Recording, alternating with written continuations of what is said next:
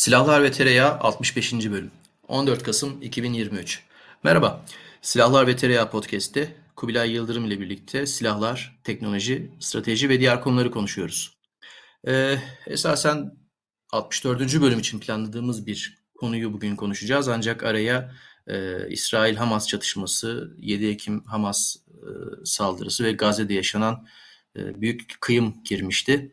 E, bu kıyım, bu acı hala devam ediyor ancak e, biz bugün bu bölümde e, o daha önceden planladığımız konuya geri dönüp çok karışık ve e, aslında çözülmesi de zor olan bir meseleyi biraz deşmeye çalışacağız. O da e, üretim teknolojilerindeki, üretim zincirlerindeki dönüşüm ve e, Türkiye'nin buradaki konumu, Türkiye'yi bekleyen riskler.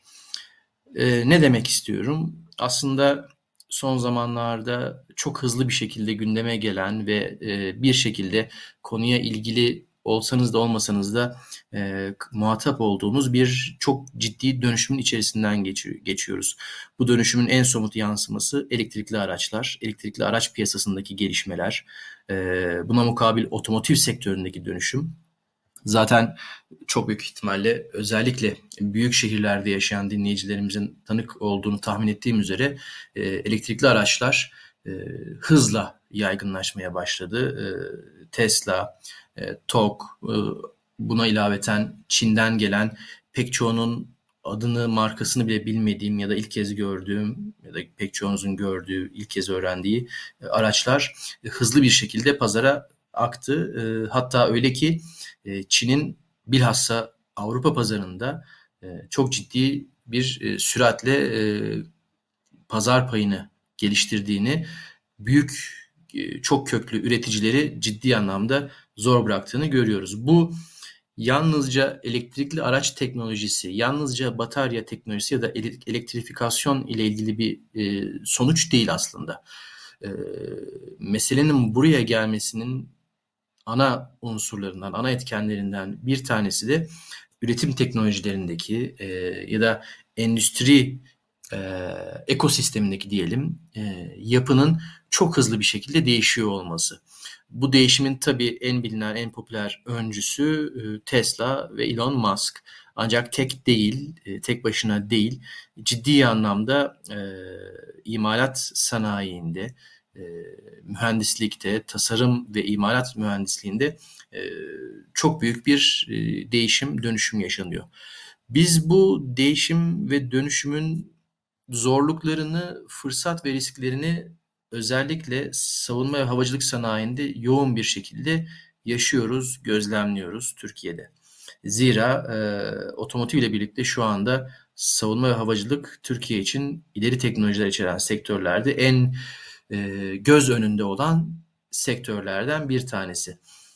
Her ne kadar savunma ve havacılık sanayinin Türkiye'de, Türk savunma havacılık sanayinin e, gayri safi yurt içi hasılaya yaptığı katkı, Türkiye'nin toplam ihracatına ve istihdamına yaptığı katkı oransal olarak çok yüksek olmasa da e, yürütülen e, projelerin ağırlığı, iddiası ve sayısı göz önüne alındığında ileri teknolojiler içeren e, üretim sistemleri, e, ham madde, malzeme işleme e, ve bunlara dair proses bilgileri, e, tedarikçi ağının kurulması ve üretimden sonra ömür devri boyunca lojistik desteğin, yedek parçanın, yan sanayinin kurulması, idamesi çok büyük bir problem olarak Türkiye'nin önünde. E, problem deyince tabii yanlış anlaşılmasın. Problemden kasıt aslında çözülmesi gereken bir mesele. E, olumsuz anlamda kullanmıyorum bu kelimeyi. Ne demek istiyorum? Şunu demek istiyorum. Biz belki biraz da zorunluluklardan dolayı savunma sektöründe platform seviyesi projelerden başladık. E, Altay, e, ana muharebe tankı, Milgem, Milli Savaş Gemisi, korvet, e, Atak Taarruz Helikopteri, Anka İnsansız Hava Aracı. Bu dört proje e, ekseninde savunma sektörü 2000'lerin başlarından itibaren bir yeniden değişim, dönüşüm e, sürecine girdi. Bu projeler üzerinden ana yükleniciler ve onların çevresinde şekillenen, oluşan e, alt yükleniciler, e, tedarikçiler, üreticiler, hizmet sağlayıcılar ile savunma sektörü e, yeniden yapılanmasını e, yeniden yapılanma sürecine başladı. E, tabii platformlar ortaya çıktıkça, firmalar yetkinlik ve deneyim kazandıkça bu platformların üretilmeleri, e, yenilerinin geliştirilmeleri, e, desteklerinin sağlanması ve türevlerinin, daha gelişmişlerinin tasarlanıp üretilmesi için e, zorunlu olarak tabii alt sistemlerin yerleştirilmesine yöneldik. Ne gibi? Elektronik aksam gibi, elektromekanik aksam gibi, e, sensörler, tabii motor ve aktarma e, organları, yardımcı güç sistemleri gibi pek çok alanda yerleştirme projeleri başladı. Bu yerleştirme projelerinin bazıları ortak üretim şeklinde, bazıları özgün tasarım, özgün geliştirme projeleri şeklinde ele alındı. E, bunların büyük kısmı sonuçlandı, ürüne dönüştü, kullanılmaya başlandı. E tabii o zaman e, bir alt kademeye inme zaruriyeti hasıl oldu. Ne gibi? Örneğin bir e, termal kamerayı düşünelim. Termal kamera bir alt sistem olarak üretmek için e, lensini, işlemcisini, elektromekanik parçalarını yurt dışından ithal ederek de e, yazılım boyutunda milli katkıyla bir kamera belki ürettik. Ancak e, bu tedariğin sürmesi oldukça kritik bir konu. E, yerli, e, tamamen yerli bir e, tasarım hakimiyeti, üretim hakimiyetine sahip olmak için özellikle kritik bileşenlerinin yurt içinde geliştirilip üretilebiliyor olması lazım. Bu da ne demek? O elektrooptik kameranın belki merceğinin, işlemcisinin, çok kritik başka bazı bileşenlerinin yurt içinde geliştirip üretiliyor olması lazım. Merceği ele alalım. E, mercek gibi çok özel bir malzemenin e, işlenmesi, prosesi, e, bunun kalite kontrolü ve entegrasyonu için uzmanlıkların, altyapının e, geliştirilmesi ve bunun sürdürülebilir kılınması gerekiyor. Daha da alta inmemiz gerekti. Bugünlerde bunları yaşıyoruz, tartışıyoruz. Hatta bu bölümün aslında e, önemli bir kısmında da belki bunları konuşuyor olacağız. O merceği, yine mercek örneğinden devam edelim. E, o merceği üretmek için gereken çok özel bazı ham maddeleri işlemek ya da tedarik etmek için yeni çalışmalar belki başlatmamız gerekti. Ya da o merceği işleyecek özel e, takım ve makinaları ya Türkiye'de üretmemiz ya da güvenilir kaynaklardan ithal etmemiz gerekti. Bunun gibi sayısız örnek var ve bu sadece savunma havacılık sanayi. Bunların benzerlerini otomotiv sanayinde, beyaz eşyada, tüketici elektroniğinde, diğer sektörlerde de yaşadık, yaşıyoruz.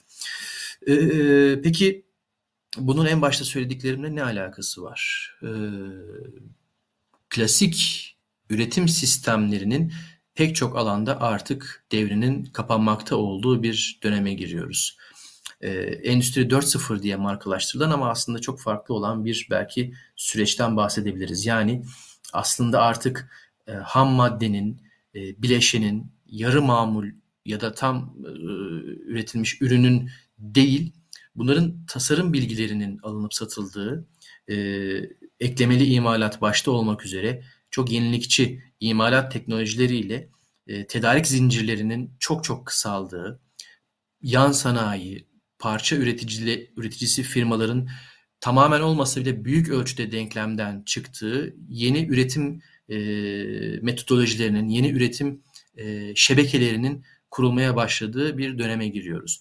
Otomotiv sektöründeki dönüşüm bu açıdan çok önemli, çok manidar. Tesla'nın uyguladığı, Çin'in çok başarıyla kopya ettiği yeni üretim metodolojileri bu açıdan aslında e, bize çok önemli ipuçları veriyor. E, buradan hareketle aslında e, Türkiye'nin de e, çok ciddi bir sınav ile, çok ciddi bir yol ayrımı ile karşı karşıya olduğunu söyleyebiliriz. E, o da şu, biz başta savunma havacılık olmak üzere ileri teknolojiler içeren alanlarda belli iddialara sahip isek eğer, gayri safi yurt içi hasılamızı, ihracatımızı e, misliyle katlama iddiasında isek eğer, teknoloji, imalat teknolojileri başta olmak üzere e, bu alanlarda bu dönüşümü yakalayıp kendi hikayemizi ortaya çıkartabiliyor olmamız gerekiyor. E, bu uzun girişi yapmamın aslında sebebi bu zor problemi en azından kendi perspektifimden tanımlamaya çalışmak ama muhtemelen e, tanımladığımdan daha da karmaşık bir hale getirmiş olabilirim. E, Kubilay istersen sen bana bir el ver. E, biraz bir çözmeye çalışalım bu Gordiyon düğümünü. Evet bu, bu bunu bir süredir biz konuşuyoruz aslında. Ee, bizim podcast'in başından beri kaçamadığımız konulardan bir tanesi oldu. İşte her konu dönüp dolaşıp nasıl ki e, Çin'e bağlanıyorsa e, ki bu da aslında Çin'e bağlanacak gün sonunda. Tabii, ee, kaçınılmaz olarak. Evet, o, o, o, o kaçınılmaz ama bizim için de e, bu, Türkiye'nin bağımsız olabilmesi, görece e, esnek olabilmesi, ilişkilerini geliştirebilmesi ya da işte savunma sanayini e, kalıcı hale getirebilmesi yahut da güçlendirebilmesinin yolu e, endüstriyel olarak, ekonomik olarak var olabilmesinden geçiyor. Ben sürekli dönüp dolaşıp kendimi aynı yerde buluyorum. İşte bir gün Kaner'le oturup konuşuyoruz. Bir konu hakkında F-16'ları verirler mi? Ya verirdi vermezdi olurdu olmazdı. Oradan işte Amerikan siyaseti, Amerikan politiği ıvırı zıvırı insan kendini alamıyor. Ya nasıl bu kadar itip kakabilir? Ee, bu kadar büyük bir bölgedeki tek endüstriyel ülkeyi e, ve aslında Amerikan pazarı için de manalı şeyler üretebilen, e, bunun bir karşılığı olan e, ve kendi müttefiki de olan e, bir ülkeyi nasıl itip kakabilir diye. Bu bile önemli bir şey. Mesela Almanlardan biz bu kadar fırçayı nasıl yiyebiliyoruz? Onların bu derecede ticari partneriyken.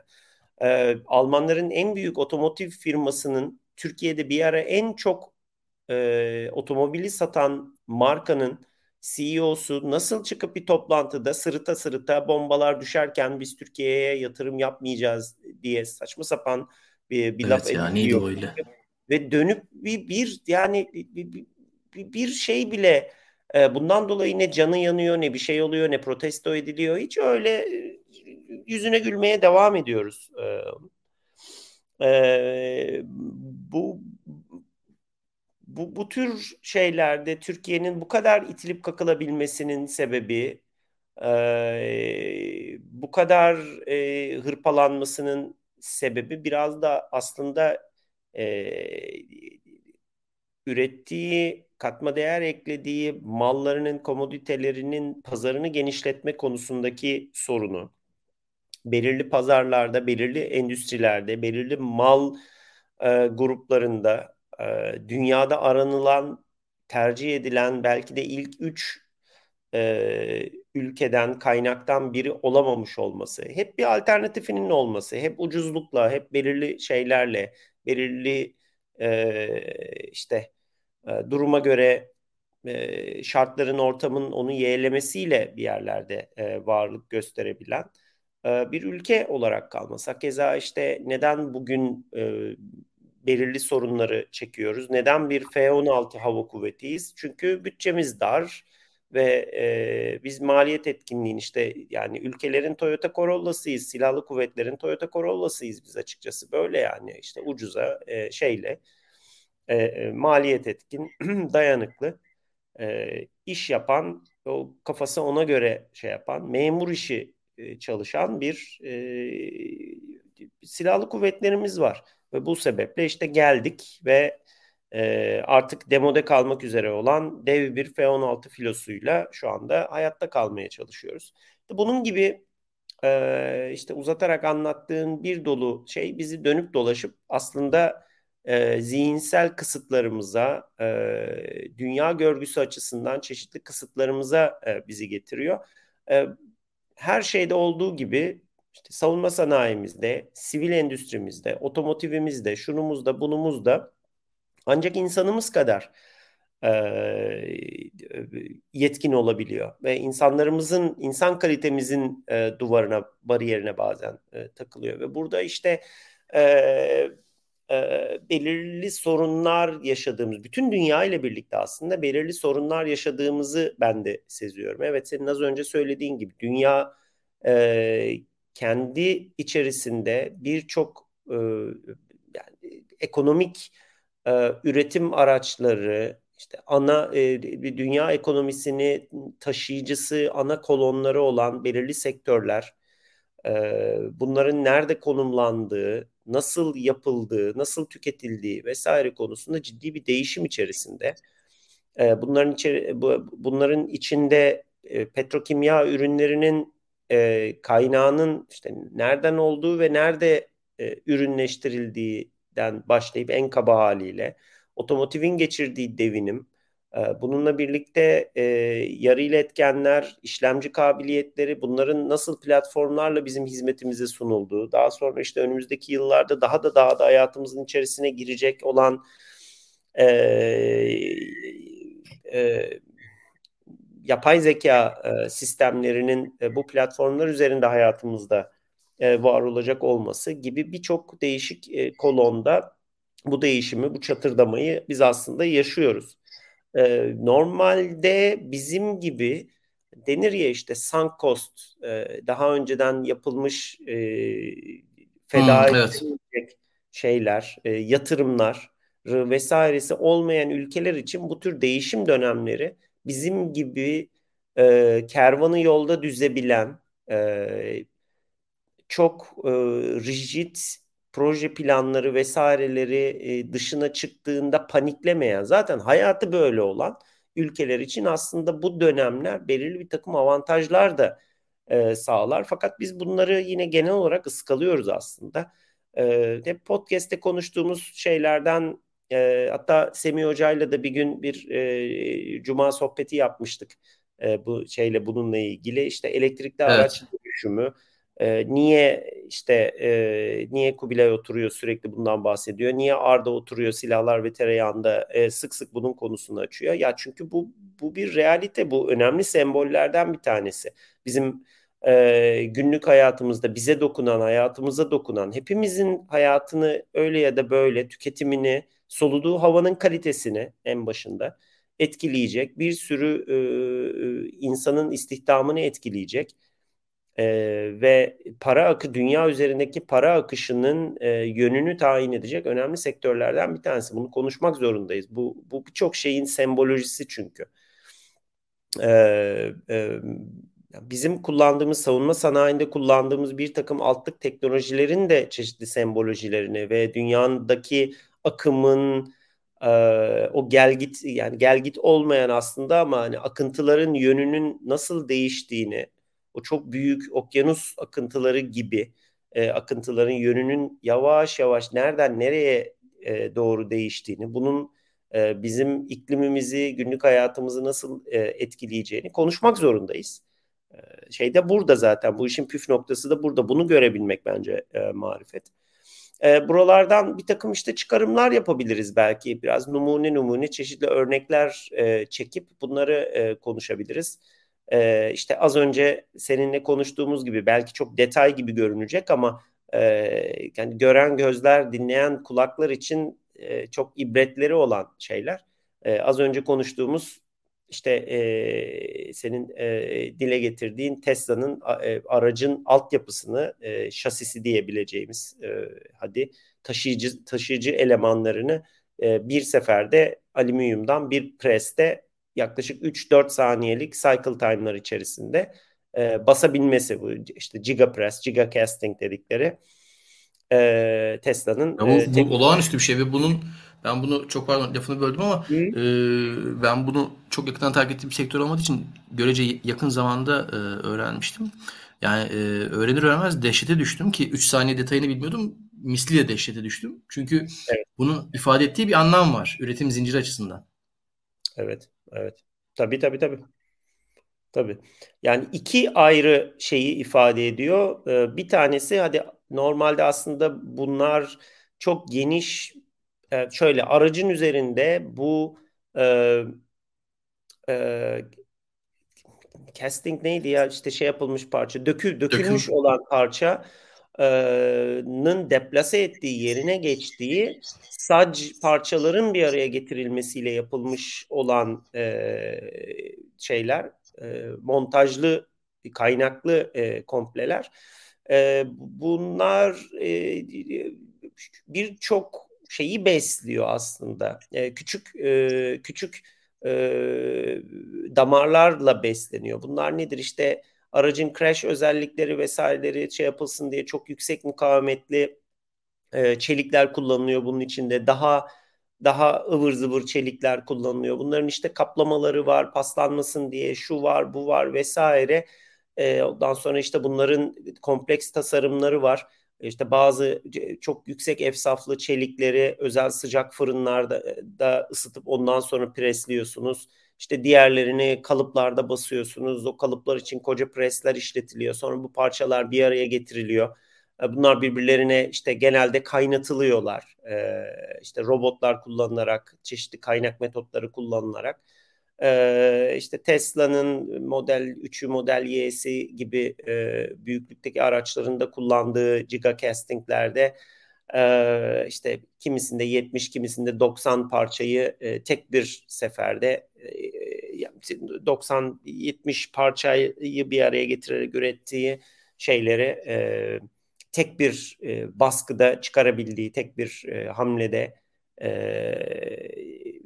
bir dökümle ortaya çıkarabildiğinden bahsediyor. Birçok firma için farklıdır, birçok model için farklıdır. Ama işte az önce söylediğim gibi bir sürü değişik e, e, alt e, tedarikçiyi besliyorsunuz, farklı ekspertizleri besliyorsunuz.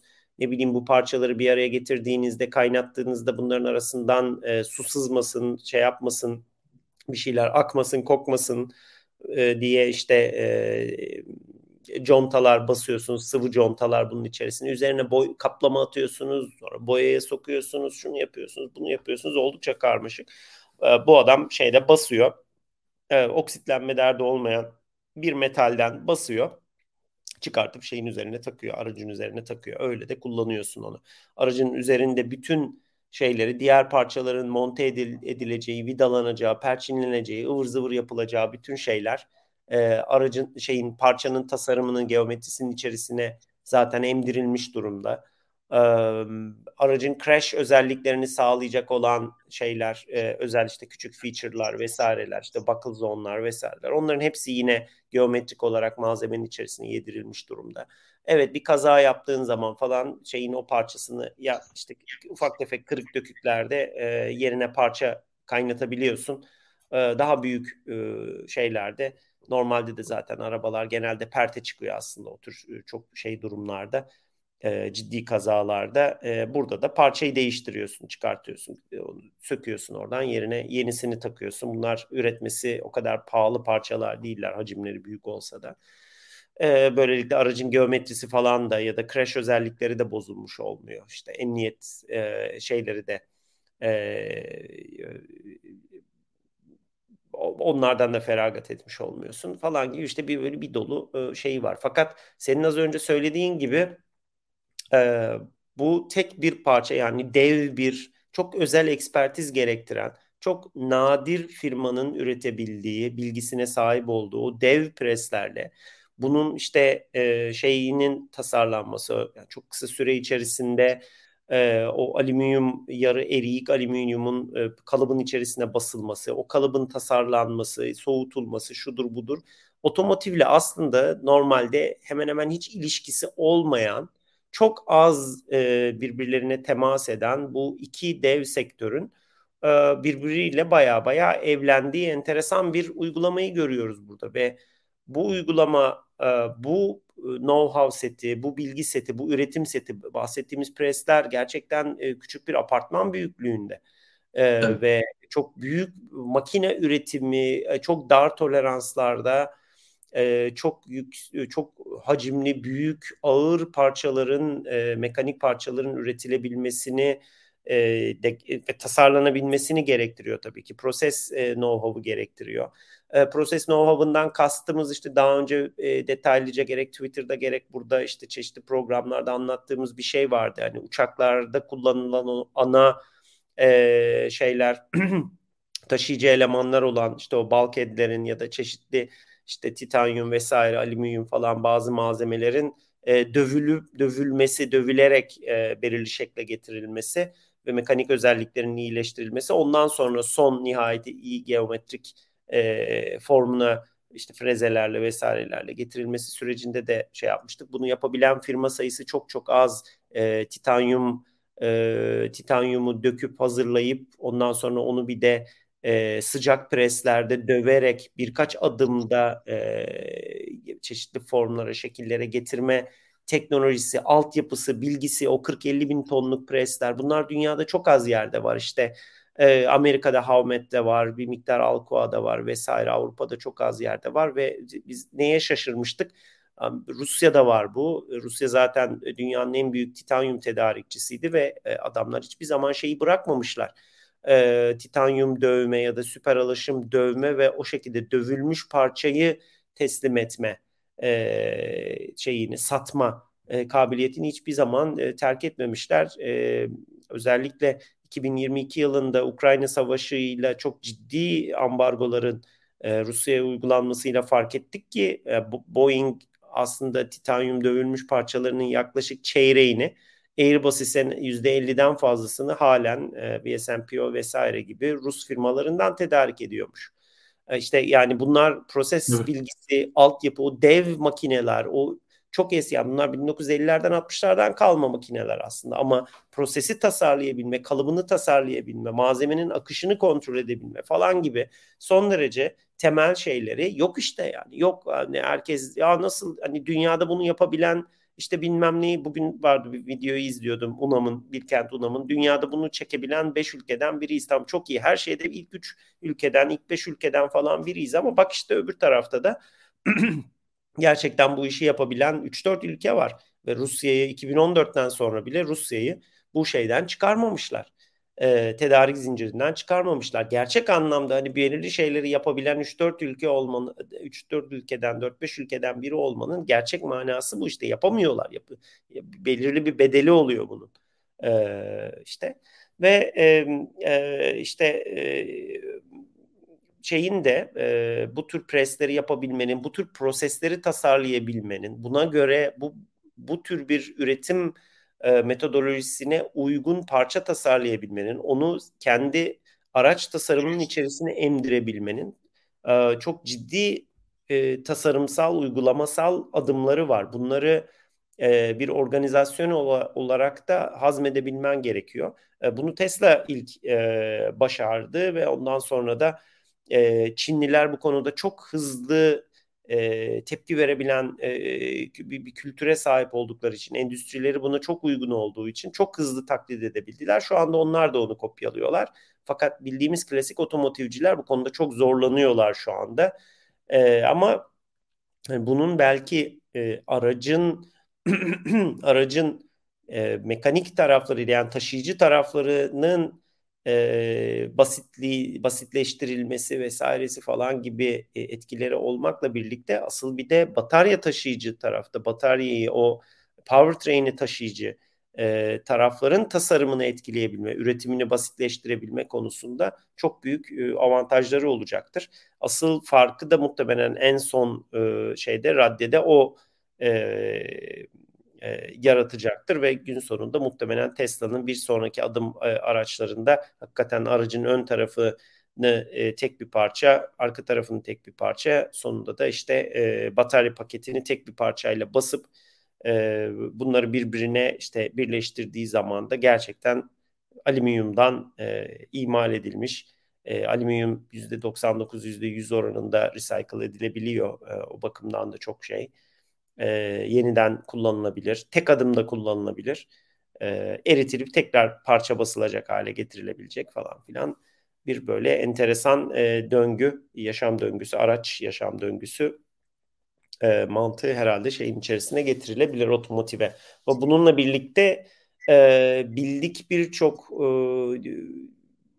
şeyi, e, şirketi, know-how'ı, proses eksperini, e, kalıbı, kalıpçıyı, presi, kaynakçıyı, robotçuyu vesaireyi birçok şeyi aslında e, şeyin dışında bırakıyor.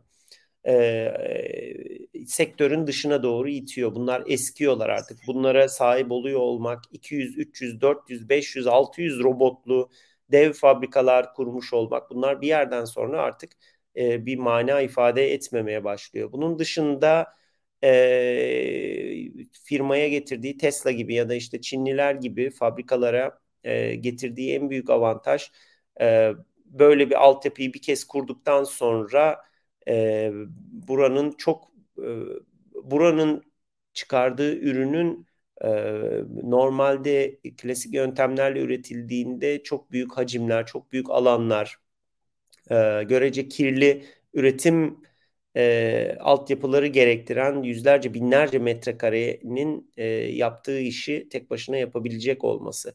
Dolayısıyla hani tek bir pres, e, gigapress altyapısının e, dev bir fabrika belki işte senede e, 1 milyon araç çıkartabilecek dev bir fabrikanın bütün e, e, parça e, ihtiyacını tek başına e, karşılama e, kapasitesi var aslında az önce işte konuştuğumuz gibi 3 saniye 4 saniye cycle time olan şeyler bunlar. E, hani hattan 20 saniyede 30 saniyede 40 saniyede birer araç çıktığını düşünürsek e, şeyin e, bunu karşılama hızı bir aracın çıktığı e, sürede bu sistemin e, 6 7 8 değişik parça basabilme e, kapasitesi var. Bu da enteresan bir şey haline geliyor.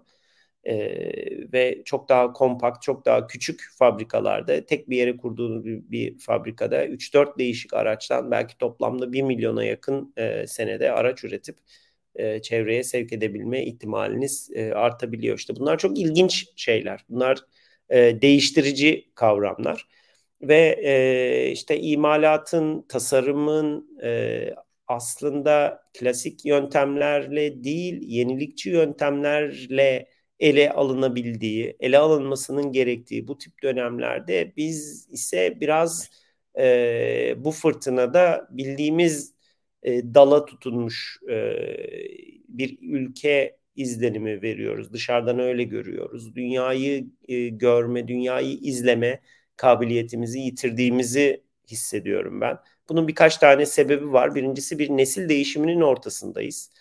Ee,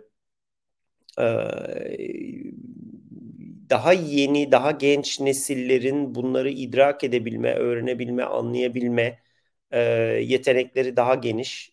Fakat Türkiye'de halen karar vericiler, devlette de, siyasette de, kurumlarda da, şeylerde de, özel şirketlerde de karar vericiler halen oldukça yaşlı. Oldukça klasik metodolojilere, oldukça klasik düşünüşlere, oldukça klasik ve biraz da artık demode para kazanma usullerine e, göre e, yetişmiş e, insanlar. Bunun arifesindeyiz. Belki de bir gömlek değiştirme süreci içerisindeyiz. Bir diğeri de tabii yine podcastimizde sürekli andığımız Türkiye'nin e, beyin göçü, kaybı, e, yetişmiş insanının kaybı e, sıkıntısı.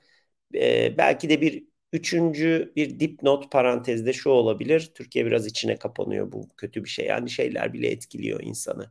E, işte vize alamama, dışarıya gidememe, yeni projelerle uğraşamama, e, pandemi, pandeminin getirdiği hareketsizlikler vesaire işte bunların hepsinin bir şeyi var. Kültürler bunları farklı şekillerde karşılıyor. Ee, ve ben e, endüstride çeşitli şeylerde e, yüzleştiğim, gördüğüm, şahit olduğum olaylarda e, genel olarak e, sivil endüstrinin de hatta aslında savunma sanayi şeyinin de dünyadan biraz kopmaya başladığını seziyorum ve görüyorum e, daha fazla gitmek, daha fazla görmek, daha fazla konuşmak, daha fazla içinde olmak, e, daha fazla ziyaret etmek, daha fazla ziyaret edilmek gerekiyor. Daha fazla bu şey döngünün içerisinde olmak gerekiyor. E, diye düşünüyorum. Biraz ben çok konuştum. Azıcık boğazımı dinlendireyim. Sana topu geri atayım olur mu? Ya aslında sen konuşurken aklıma gelen iki tane önemli şey, önemli olduğunu düşündüğüm husus var. Biraz onlardan bahsetmek isterim. Sonrasında sen de belki onlara katkı verirsin. Ee, birincisi bu yeni üretim metodolojilerinden bahsettik ve Çin'in bunları çok hızlı, çok verimli bir şekilde e, kopyalayıp, uyarlayıp e, devreye aldığından bahsettik. Şimdi bu aslında söylemesi kolay ama yapması gerçekten çok e, hem zor hem maharet isteyen bir şey. Yani bu yalnızca işte e, a, e, işte o yeni bir imalat e, aksa takımı kullanıyormuş, yeni bir tezgah kullanıyormuş. Ben de onu alayım, e, eğitimini de alayım, işte teknisyenin ustasını yetiştireyim. Ben de o parçayı o şekilde üreteyim denmekte olabilecek bir şey değil. bunun güzel bir örneği 90'lı yıllarda bir furya haline gelen siyasi tezgah meselesi. şimdi de Türkiye'nin her yerinde işte sahibinden satılık siyasi tezgah bulmak işten bile değil. Her yerde var. Her cinsten siyasi, yani siyasi tezgah şeyi olduk. Ne derler? Çöplüğü mü diyeyim artık, cenneti mi diyeyim. Ee, ama siyasi tezgah sahip olmak tek başına bir anlam ifade etmeyebiliyor yaptığınız işe bağlı olarak. Şimdi bir benzeri muhtemelen üç boyutlu yazıcılarda, eklemeli imalat teknolojilerinde olacak. Çok uzak olmayan bir gelecekte. Ee, ama burada benim esas e, benim vurgulamak istediğim ya da üzerinde oynamak istediğim konu şu.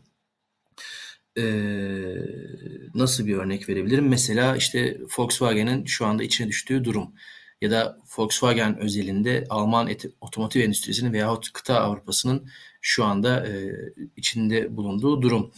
Geleneksel üretim metodolojileri aslında yalnızca e, üretim tezgahlarının, işte o robotların, tedarik zincirinin e, olmasıyla alakalı olan bir şey değil.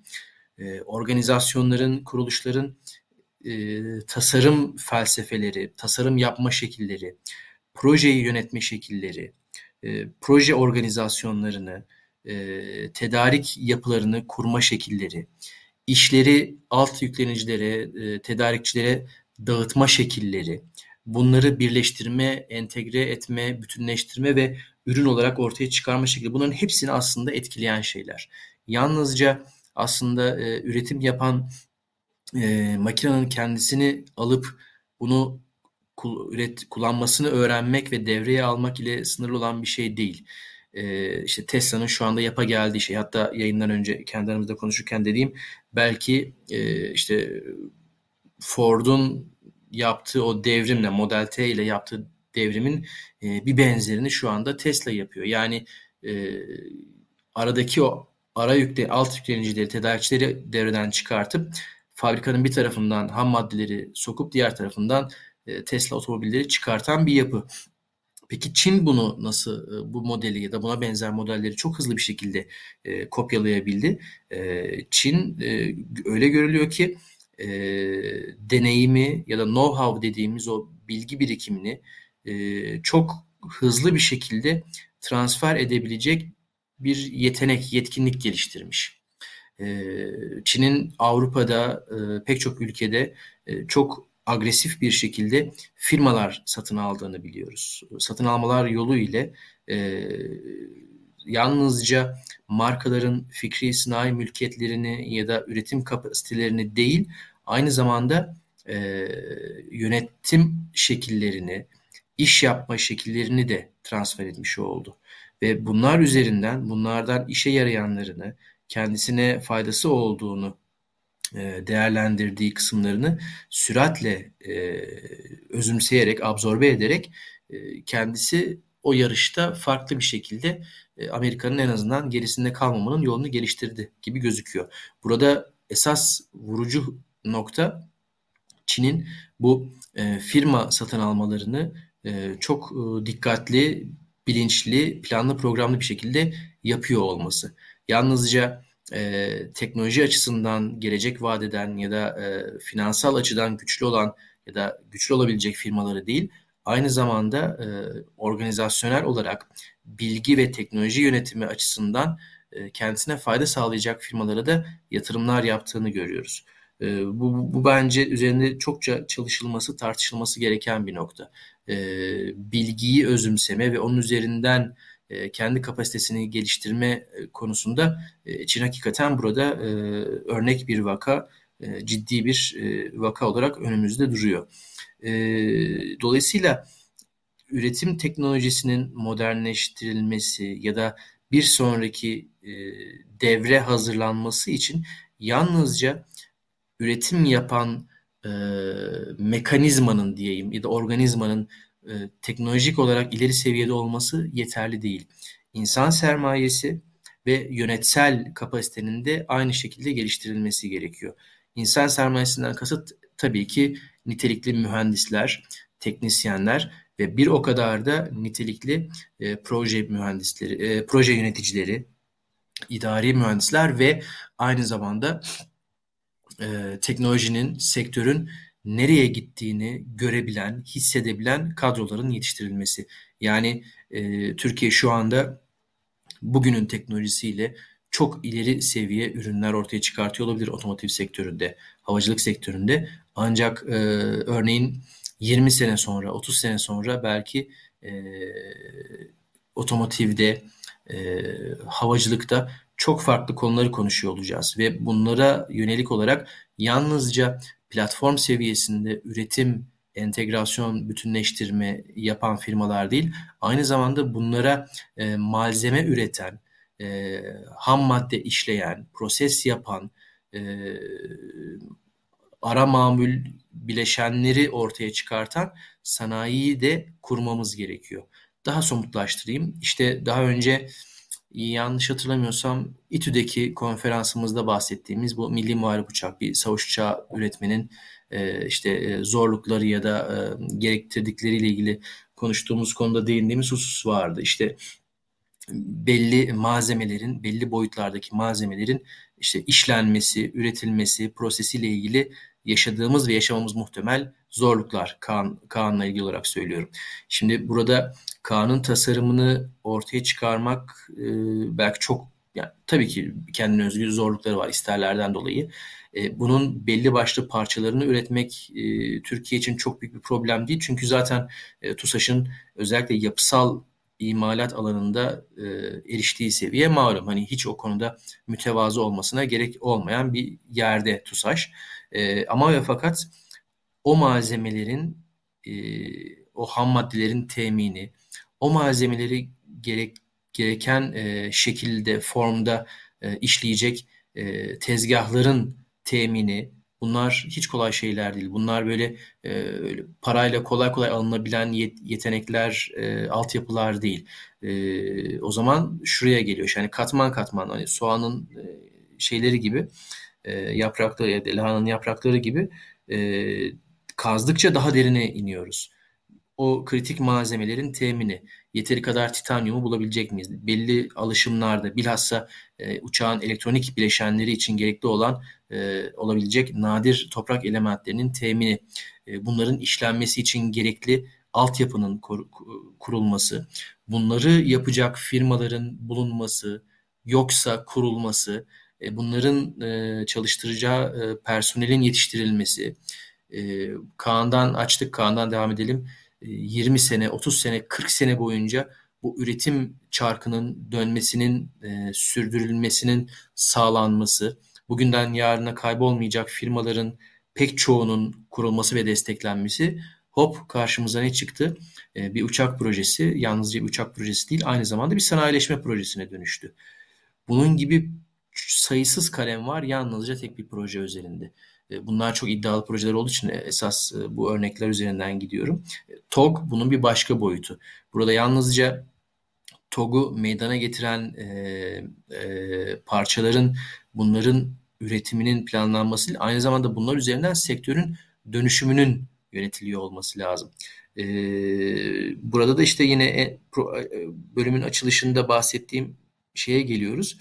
Yalnızca platform seviyesi tasarım ve üretim e, yetkinliği değil, aynı zamanda o platformu meydana getiren alt sistem, bileşen e, ve bunları meydana getiren e, kritik teknolojilerde artık alan uzmanı küçük şirketlerden yukarı doğru çok büyük entegratörlere kadar bir sanayinin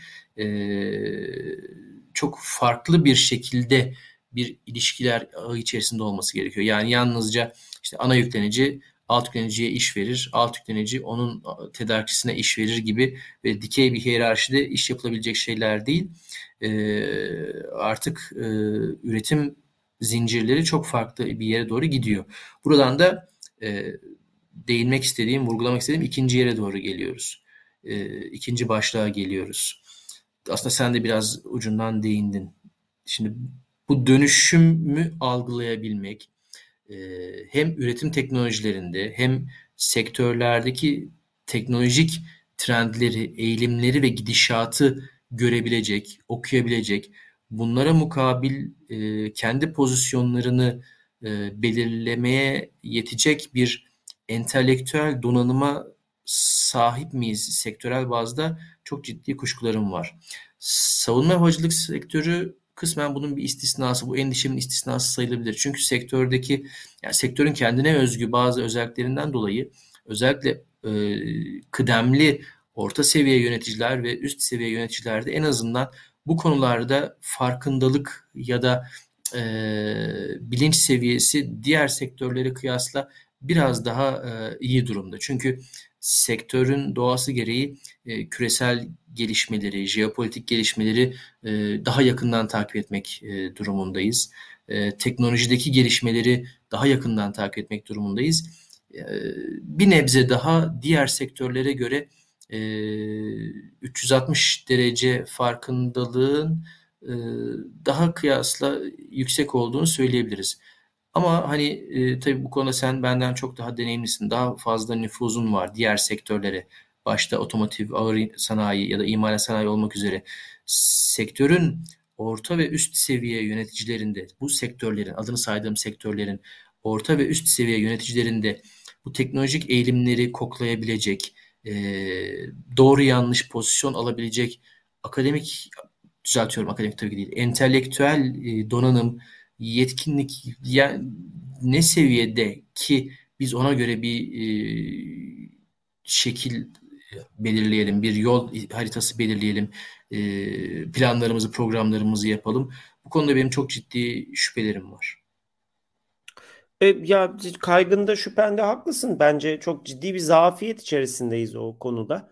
E, zaten bizim bu şekildeki şirketlerimizin büyük çoğunluğu aslında e, orta kurumsallıktaki şirketler. Bazıları halen aile şirketleri. Dolayısıyla e, bu şirketleri buraya klasik metotlarla buraya getirmiş olan kişiler, nesiller, düşünüş biçimi artık bundan sonrası da ileriye taşımakta genelde zorlanıyor.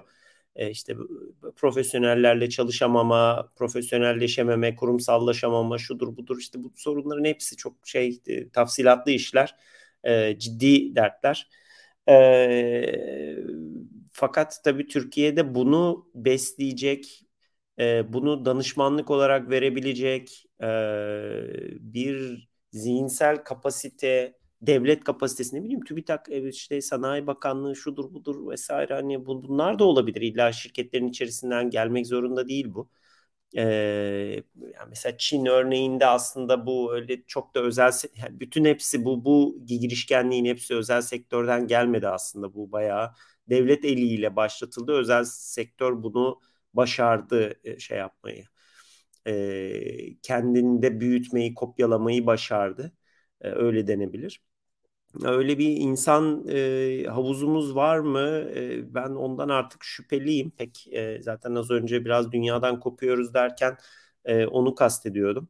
E, yani e, hep söylüyorum bunu söylemeye de devam edeceğim. Yani Türkiye'nin 10 sene önceki ihracatı işte belki 130-140 milyar dolarlar civarındaydı. Şu anda 250-260'larda neredeyse. Bu, bu inanılmaz bir gelişim. Bu 10 sene civarında, 10-12 senede e, ihracatın iki katını çıkarabilmek. Hele ki çevresindeki her taraf yangın yeriyken, evet, her evet, yerde evet. sorunu varken bunu başarabilmek çok büyük bir şey.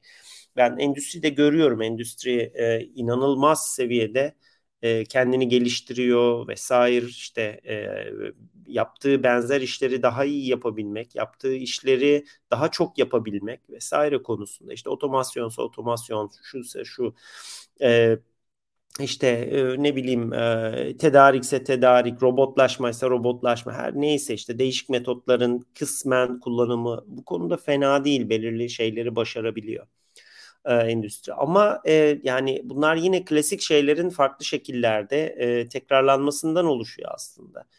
E, bizim tabii bir de belirli sektörlerimizde sektör paydaşlarının birbiriyle genelde küs olması, bir toplantıda evet. bile bir araya gelememesi, birlikte çalışamaması, ee, özellikle de hani katma değer konusunda, kar konusunda çok kısıtlı bir ülke olduğumuz için e, ben var olayım ama bana iş yapan herkesi e, yerin dibine yani bildiğin batırayım e, kimsenin parasını ödemeyeyim falan gibi garip şeylerimiz de olduğu için normlarımız da olduğu için belirli şeyler pek de yaşamıyor ya da ne bileyim işte e, bilenden danışmanlık almak e, ya da işte hani tasarım desteği almak. Ya biz bunu işte dışarıdan alacaksak bizim tasarımcılar niye var o zaman? Bizim tasarım ARGE grubu niye var? E, ben niye bu kadar mühendis çalıştırıyorum? Ya da işte bilmem neyi otomasyonu dışarıdan alacaksam bizim buradaki otomasyon bakım grubu ne işe yarar falan gibi şeyler.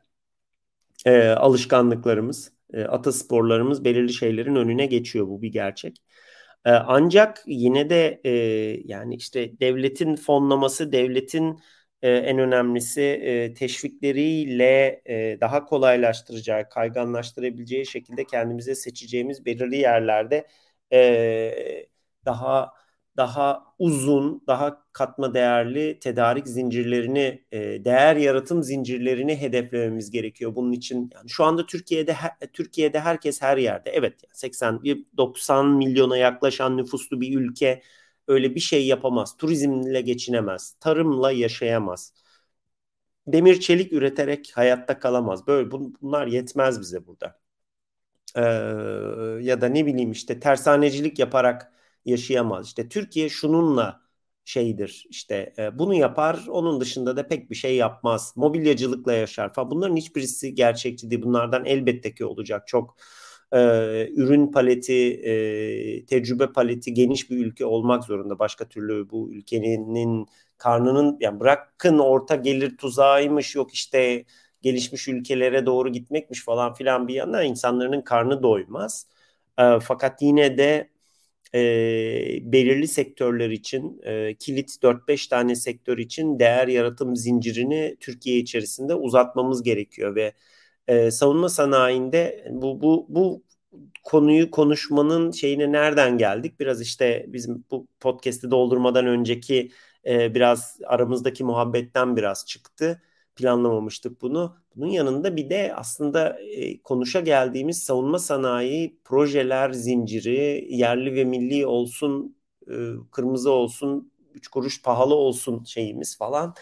E, e, furyamız e, ve bu, burada bu, burada işte savunma sanayinde bunun bir simülasyonunu yaşıyoruz aslında. Öyle bir hale geldik ki zorunlu olarak e, şu anda çok iddialı projelerimiz var ve bu projelerimizin hedef son çıktılarına şu anda bakıyoruz. Evet, o baktığımız çıktılar işte Kaan projesi, Gökbey, şusu, busu, helikopter, ağır helikopter, hafif helikopter, tank, top, tüfek her şey. Bunlar e, 2000'li yılların başında ortasında planlarken aslında e, yurt dışından tedarik edilecek birçok alt sistemin aslında bir entegrasyonu ve özelleştirilmesi olarak e, planlamıştık bu platformları. Fakat şu anda öyle bir durumdayız ki e, Kaan'ı, Kaan'ın bütün e, işte e, mekanik e, tasarımını, bütün e, gövde üretimini ki 5. nesil bir gelişmiş süpersonik ve gör, düşük görünürlük özelliklerine sahip bir uçaktan bahsediyoruz. Bu, bu normal bir e, binip gittiğimiz Boeing 737 gövdesi gibi üretilmiyor bunlar artık. E, daha başka şeylere ihtiyacınız var. Daha farklı tasarım tekniklerine ve üretim tekniklerine ihtiyacınız var. E, aynı zamanda e, işte bütün uçuş kontrollerini yapmak zorundayız. Birlikte iş yapabileceğimiz hiç kimse yok şu anda dünyada. E, bütün elektroniklerini, aviyoniklerini, sensörlerini, radarını, bil, uçuş bilgisayarını vesairesini kendimiz yapmak zorundayız. En önemlisi motorunu, iniş takımını, hidroliklerini, aktüatörlerini, şununu bununu her şeyini e, yapmak zorundayız. Motoru tasarlayıp uçurmak, onun üzerindeki kaplama, içindeki e, işte e, dövülmüş disk malzemesi bilmem nesi ıvırı zıvırı bunları bilmek, kovalamak, işte tek kristal e, türbin kanatçığını dökmek vesaire bunları işlemek e, seri olarak üretmek zorundayız. Malzemenin malzemesine işte bilmem nenin içerisindeki niyobiyumuna vesairesine onları tedarik edebilmek tanımak, bir tedarik zinciri kurmak zorundayız. Bunları belki hani yurt dışından e, tabii ki yine tedarik edeceğiz ama bunları da gerekirse e, tedarik edebilmek de kalite kontrolünü yapmak da metalürjisini oluş yani metalürji, metalürji biraz şeye benzer aşçılığa benzer.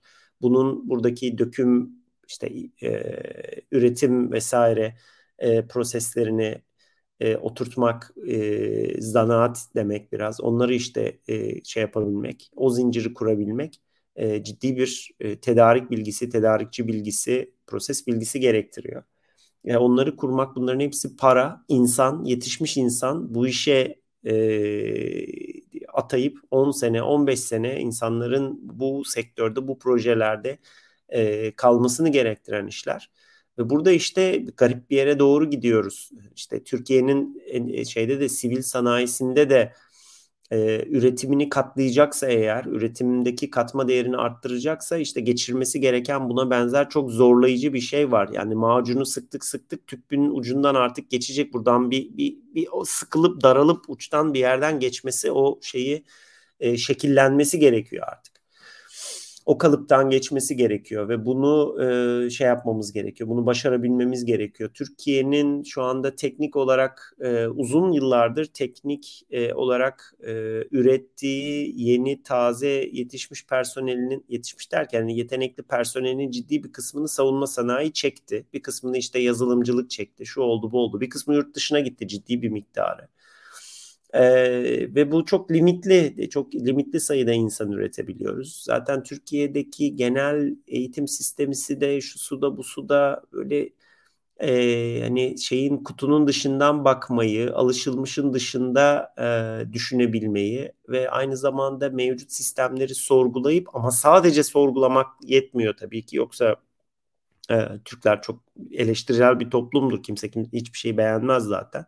Kastettiğim bu değil e, gerçek anlamda eleştirel yaklaşıp bunu daha sonra e, daha analitik metotlar kullanarak karşılaştırmalı şeylerle vesairelerle işte e, metotlar kullanarak da e, yeniden tasarlayabilecek e, yazılımda diyeyim e, insan üreten bir ülke değiliz biz. Öyle bir eğitim sistemimiz yok. İş yerlerimiz bizi bu şekilde formatlamıyor. Hadi eğitim sisteminde olmaz ama öyle bir e, endüstriyel altyapın vardır ki işte e, biraz usta çırak ilişkisiyle mezun olan çocuklar girer. Ben böyle bir şeyin ürünüyüm mesela kendim. Bir şey diyemem yani bunları bu tür e, şeyleri şu anda sahip olduğum birçok özelliği hani devletin beni okuttuğu ve Türkiye'deki en iyilerden olan işte e, okullarda kazandığımı pek de söyleyemem. E, ben bunu iş hayatında kazandım. O bakımdan çok şanslı buluyorum kendimi. E, ama e, e işte bu çok öyle e, Türkiye'de yaygın olan bir şey değil.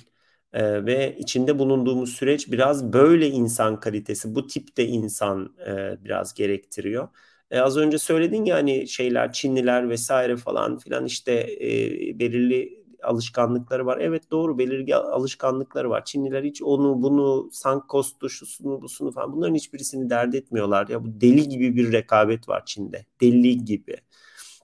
İnsanlar, firmalar, yöneticiler, orta seviye insanlar bunlar gerçekten robot gibi e, daha iyisini, daha hızlısını aramaya e, güdülmüş durumdalar ve dolayısıyla e, batılı firmaların, batılı e, ekonomilerin dert ettiği birçok şeyi gerçek anlamda dert etmiyorlar. Hakikaten kendi şu anda en azından e, oluşturdukları, bir araya getirdikleri e, yapı yapımıyla çok uğraştıkları ve çok para harcadıkları belirli sektörlerini kendi elleriyle yıkabiliyorlar ve kendi kontrollü şekilde yıkımlarını programlayabiliyorlar. Bence en büyük avantajları o. Onun için zaten belirli yerlerde çok hızlı ilerliyorlar.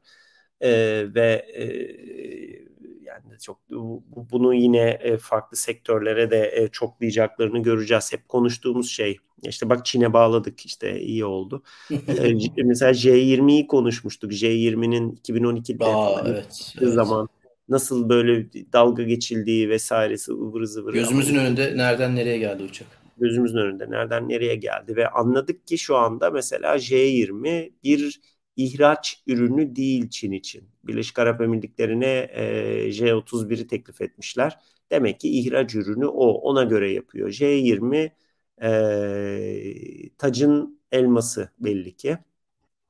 E, ve sanıyorum öyle de öyle de kalacak. E, Çin'in şu anda geliştirip geliştirebileceği en yetkin teknolojileri e, uyguladığı platformu J20 olacak gibi görünüyor işte.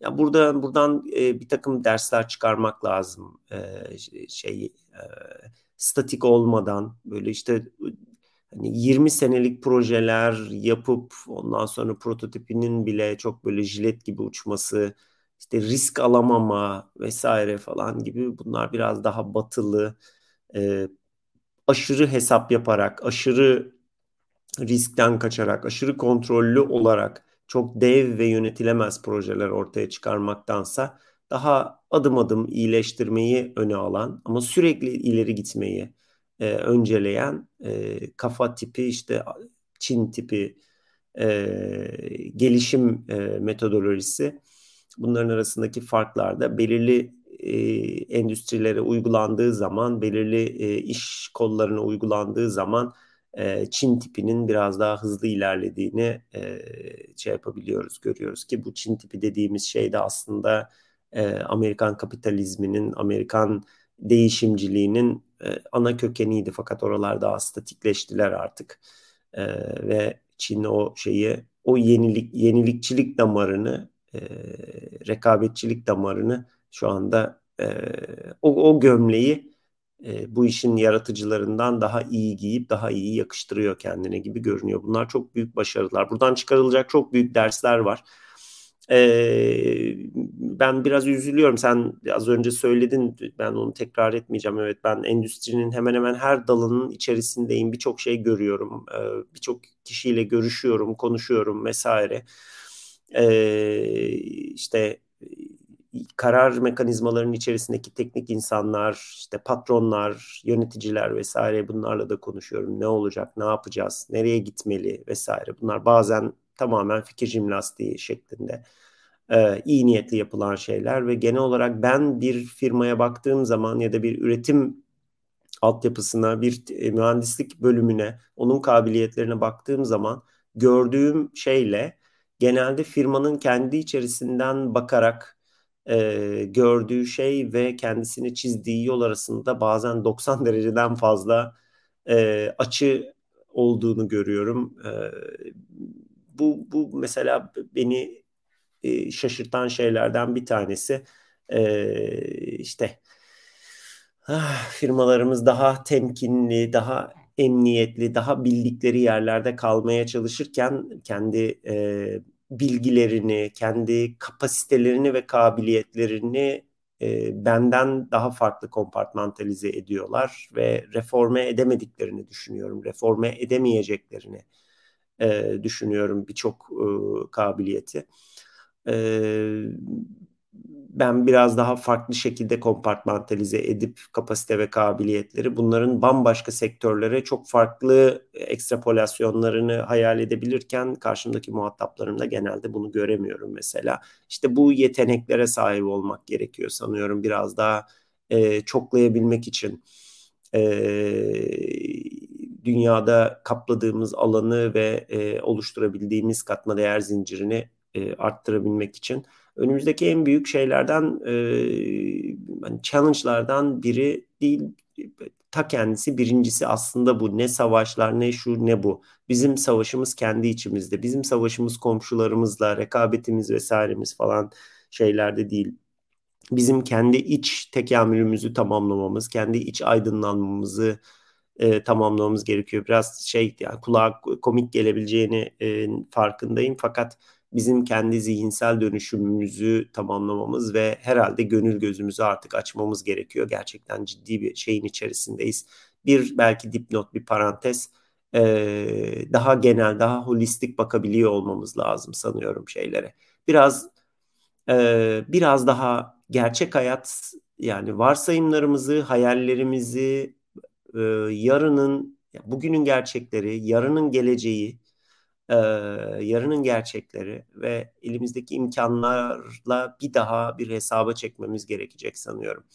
Geçen gün bahsetmiştim işte şeylerimiz çok iyi, e, hani hedeflerimiz vesairelerimiz falan ama mesela dönüp dolaşıp e, gaz türbinli motorlar yani jet motorları, turboşaft motorlar vesaire buralarda bir ben e, bir dar boğaza doğru gittiğimizi düşünüyorum.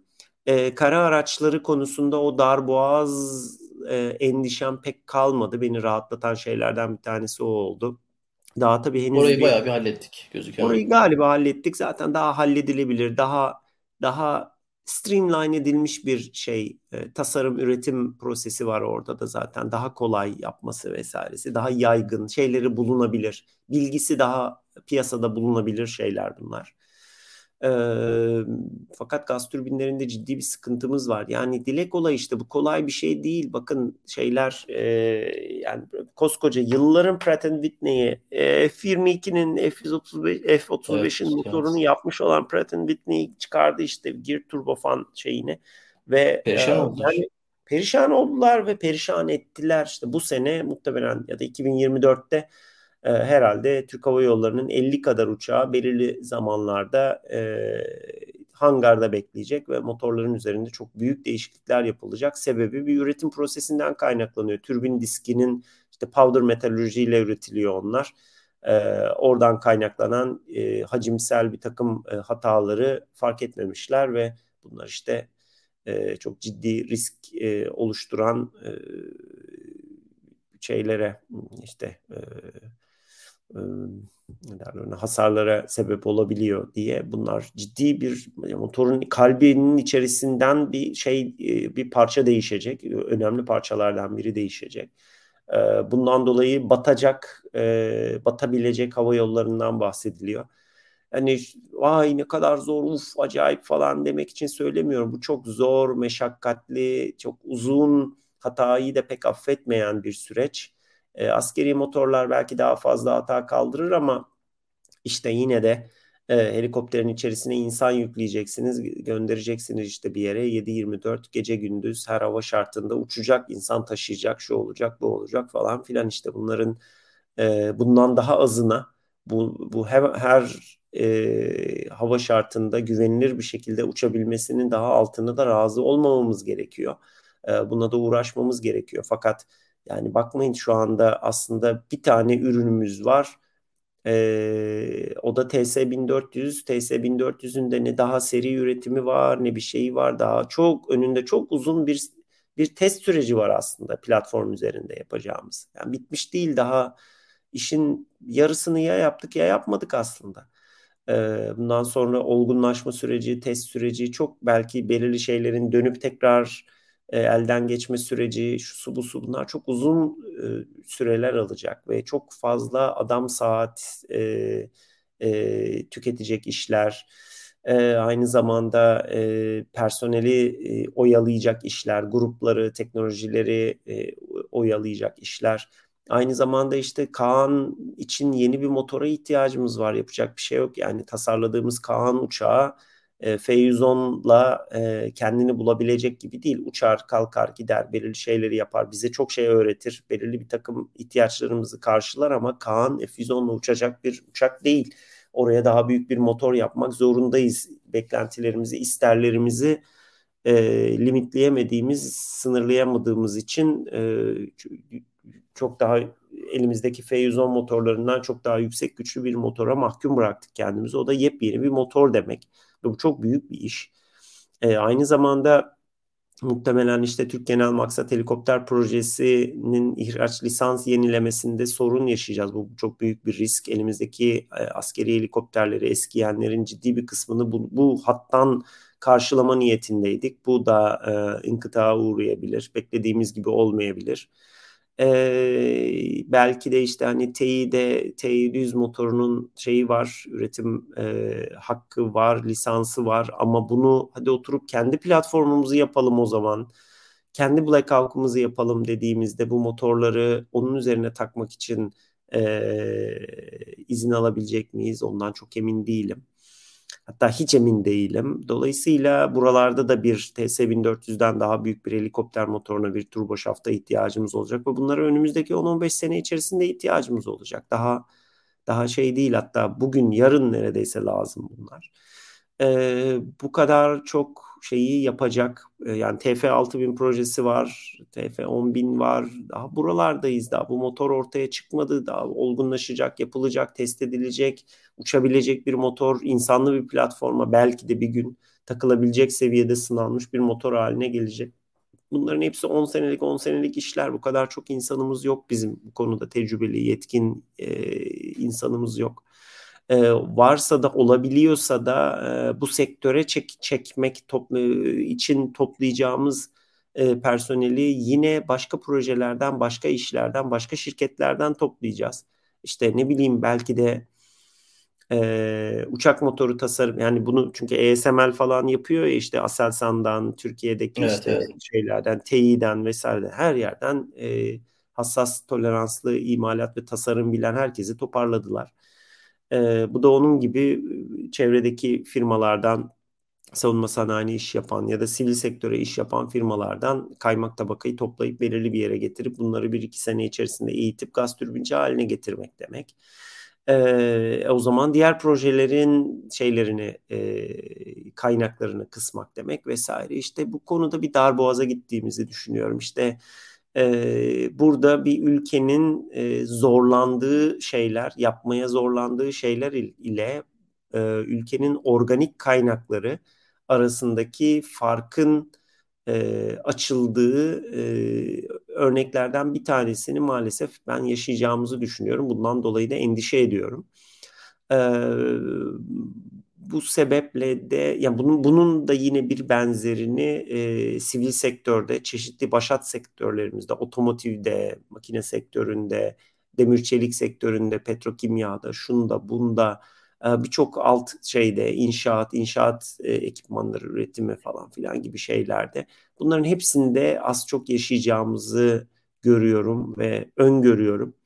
E, benzer şekilde tercihleri er geç yapmak zorunda kalacağız. Aklımızı başımıza toplayıp belirli şeyleri tercih etmek. Her tercih bir vazgeçiştir.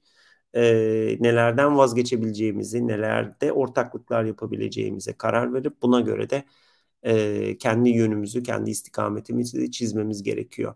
E, bunun buradan 10 sene sonranın Türkiye'si şu andaki Türkiye gibi olamayacak. Olamaz da zaten. Dünyanın ekonomik şartları bunu dikte ediyor, bunu emrediyor. Bu değişimi e, iyi sıkı bir dala tutunup bir elektrik direğine tutunup at, atlatamayız. Bu bizi sürükler götürür. Buna karşı koyamayız.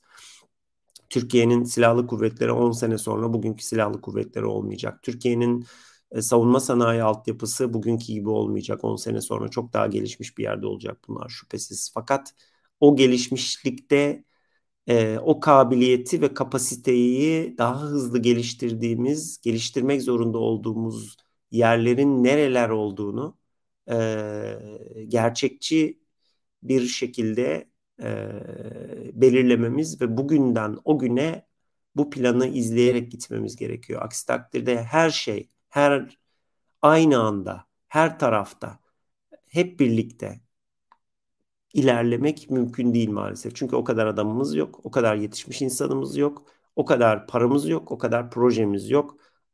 Dolayısıyla bir yerlerde bir optimizasyon yapmak zorundayız. Aynısı sivil sektörler için de gerekli. Evet. Evet. Yani birçok firmamız için zaten bunu kendileriyle de konuşuyorum. Yapmakta oldukları birçok şeyi şu anda bırakıp ellerini yıkayıp bambaşka şeylere bakmaları gerekiyor artık.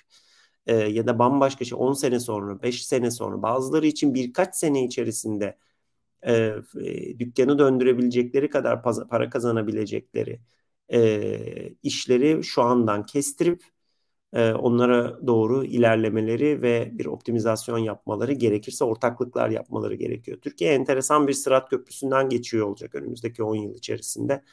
E, ve bu sırat köprüsünü geçmek için e, biriktirdiği çok da fazla sevabı yok maalesef. Aksine yani belirli avantajları, belirli şeylerini, reflekslerini, alışkanlıklarını geliştirmekle birlikte e, bir takım kıymetlerini kaybediyor ve yani işte görüyoruz her gün yeni bir cephe açılıyor, yeni bir savaş, yeni bir e, pazar kaybı, yeni bir pahalılık, yeni bir enflasyon.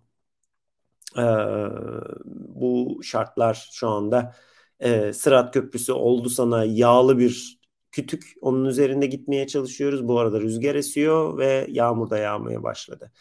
İşte yani bu şartların içerisinde e, ilerlemeye çalışacağız. Önümüzdeki yıl da ekonomik olarak zor, sert, dünya ticaret açısından da çok zor bir sene olacak. E, belki de e, bize önemli bir uyarı ateşi olacak. E, ve bu halden ders alarak savunma sanayinde başta olmak üzere sivil endüstrilerimizde, otomotiv, makine gibi sektörlerde, e, reel sektörlerde artık e, şöyle bir başımızı iki elimizin arasına alıp e, gerçeklerimizle hayallerimizi birbirleriyle herhalde e, artık çakıştırıp bir karar vermemiz gerekiyor. Hadi şey yapayım, sana geri atayım topu. Aslında söyleyeceklerimin hemen hemen tamamını sen değinmiş oldun. Ee, en başta söylediğime geri döndük. Ee, bir yol ayrımındayız. Çok ciddi bir ayrımın e, arifesindeyiz aslında endüstriyel olarak. Ee, ve bu yol ayrımını eğer e, doğru tercihi yapmazsak ya da bu değişim rüzgarını e, yakalayıp yönetemezsek şu anda hiç fena olmayan ihracatımızla, endüstriyel kapasitemizle elde ettiğimiz konumu koruyamamamız bir kenara e, yakın çevremizde ya da biraz daha uzak çevremizde birdenbire ortaya çıkacak yeni rakiplerin bizi nasıl solladığına da e, hayıflanır halde kendimizi bulabiliriz. E, hep verilen örnek işte 1960'lı yıllarda aşağı yukarı aynı noktalarda olan Güney Kore ve Türkiye ekonomilerinin aradan geçen 60 yılda nasıl ayrıştığını, Güney Kore'nin e, neredeyse sıfırdan nasıl bir e, sıçrama yaptığını tabii ki farklı faktörleri burada da görmezden geliyor değilim ama e, nasıl bir e, ivmeyle Türkiye'yi geride bıraktığını e, görür ve anlamaya çalışırken eğer e, bu çok hızlı e, değişim dönüşüm geçiren endüstriyel yapıyı e, özümseyemezsek, bu değişimi yakalayamazsak çok uzak olmayan bir gelecekte hiç ummadığımız ülkelerin, hiç ummadığımız şekillerde e, bizi solladığını, e, bize bizi yakaladıklarını ve bizi zorladıklarını görebiliriz. Savunma sektörü bunun açısından en kritik sektörlerden biri. Ama her ne kadar öncelikli ilgi ve bilgi alanım olmasa da bu anlamda e, otomotiv sektöründeki gelişmeleri de çok yakından takip etmek gerektiğini düşünüyorum. Zira bu sektördeki e, sektörün şu anda fay hatlarındaki kırılmalar e, Türkiye açısından çok önemli işaret fişekleri olacaktır. Zira eğer Türkiye otomotiv sektöründe e, böyle bir e, endüstriyel dönüşümü, teknolojik dönüşümü yakalayamaz ise e, sanayisi, sanayi kapasitesi çok ağır bir zarar e, görebilir, çok ağır bir darbe alabilir. E, evet yine geleneksel olduğu üzere bol bol Çin'in e, Çin'e vurgu yaptık ama e, önümüzdeki süreçte çok daha fazla Çin takip ediyor ve Çin çalışıyor olmamız gerekecek eğer kendimize bazı dersler çıkartmak istiyor isek. Ee, sanırım bu karışık konuyu e, bu kadar karıştırdığı, daha da karıştırdığımız yeter ama e, ara ara bu konuya e, değinmemiz gerek, gerekeceğini düşünüyorum. Şimdilik bu kadar diyelim. Sonraki bölümlerde görüşmek üzere.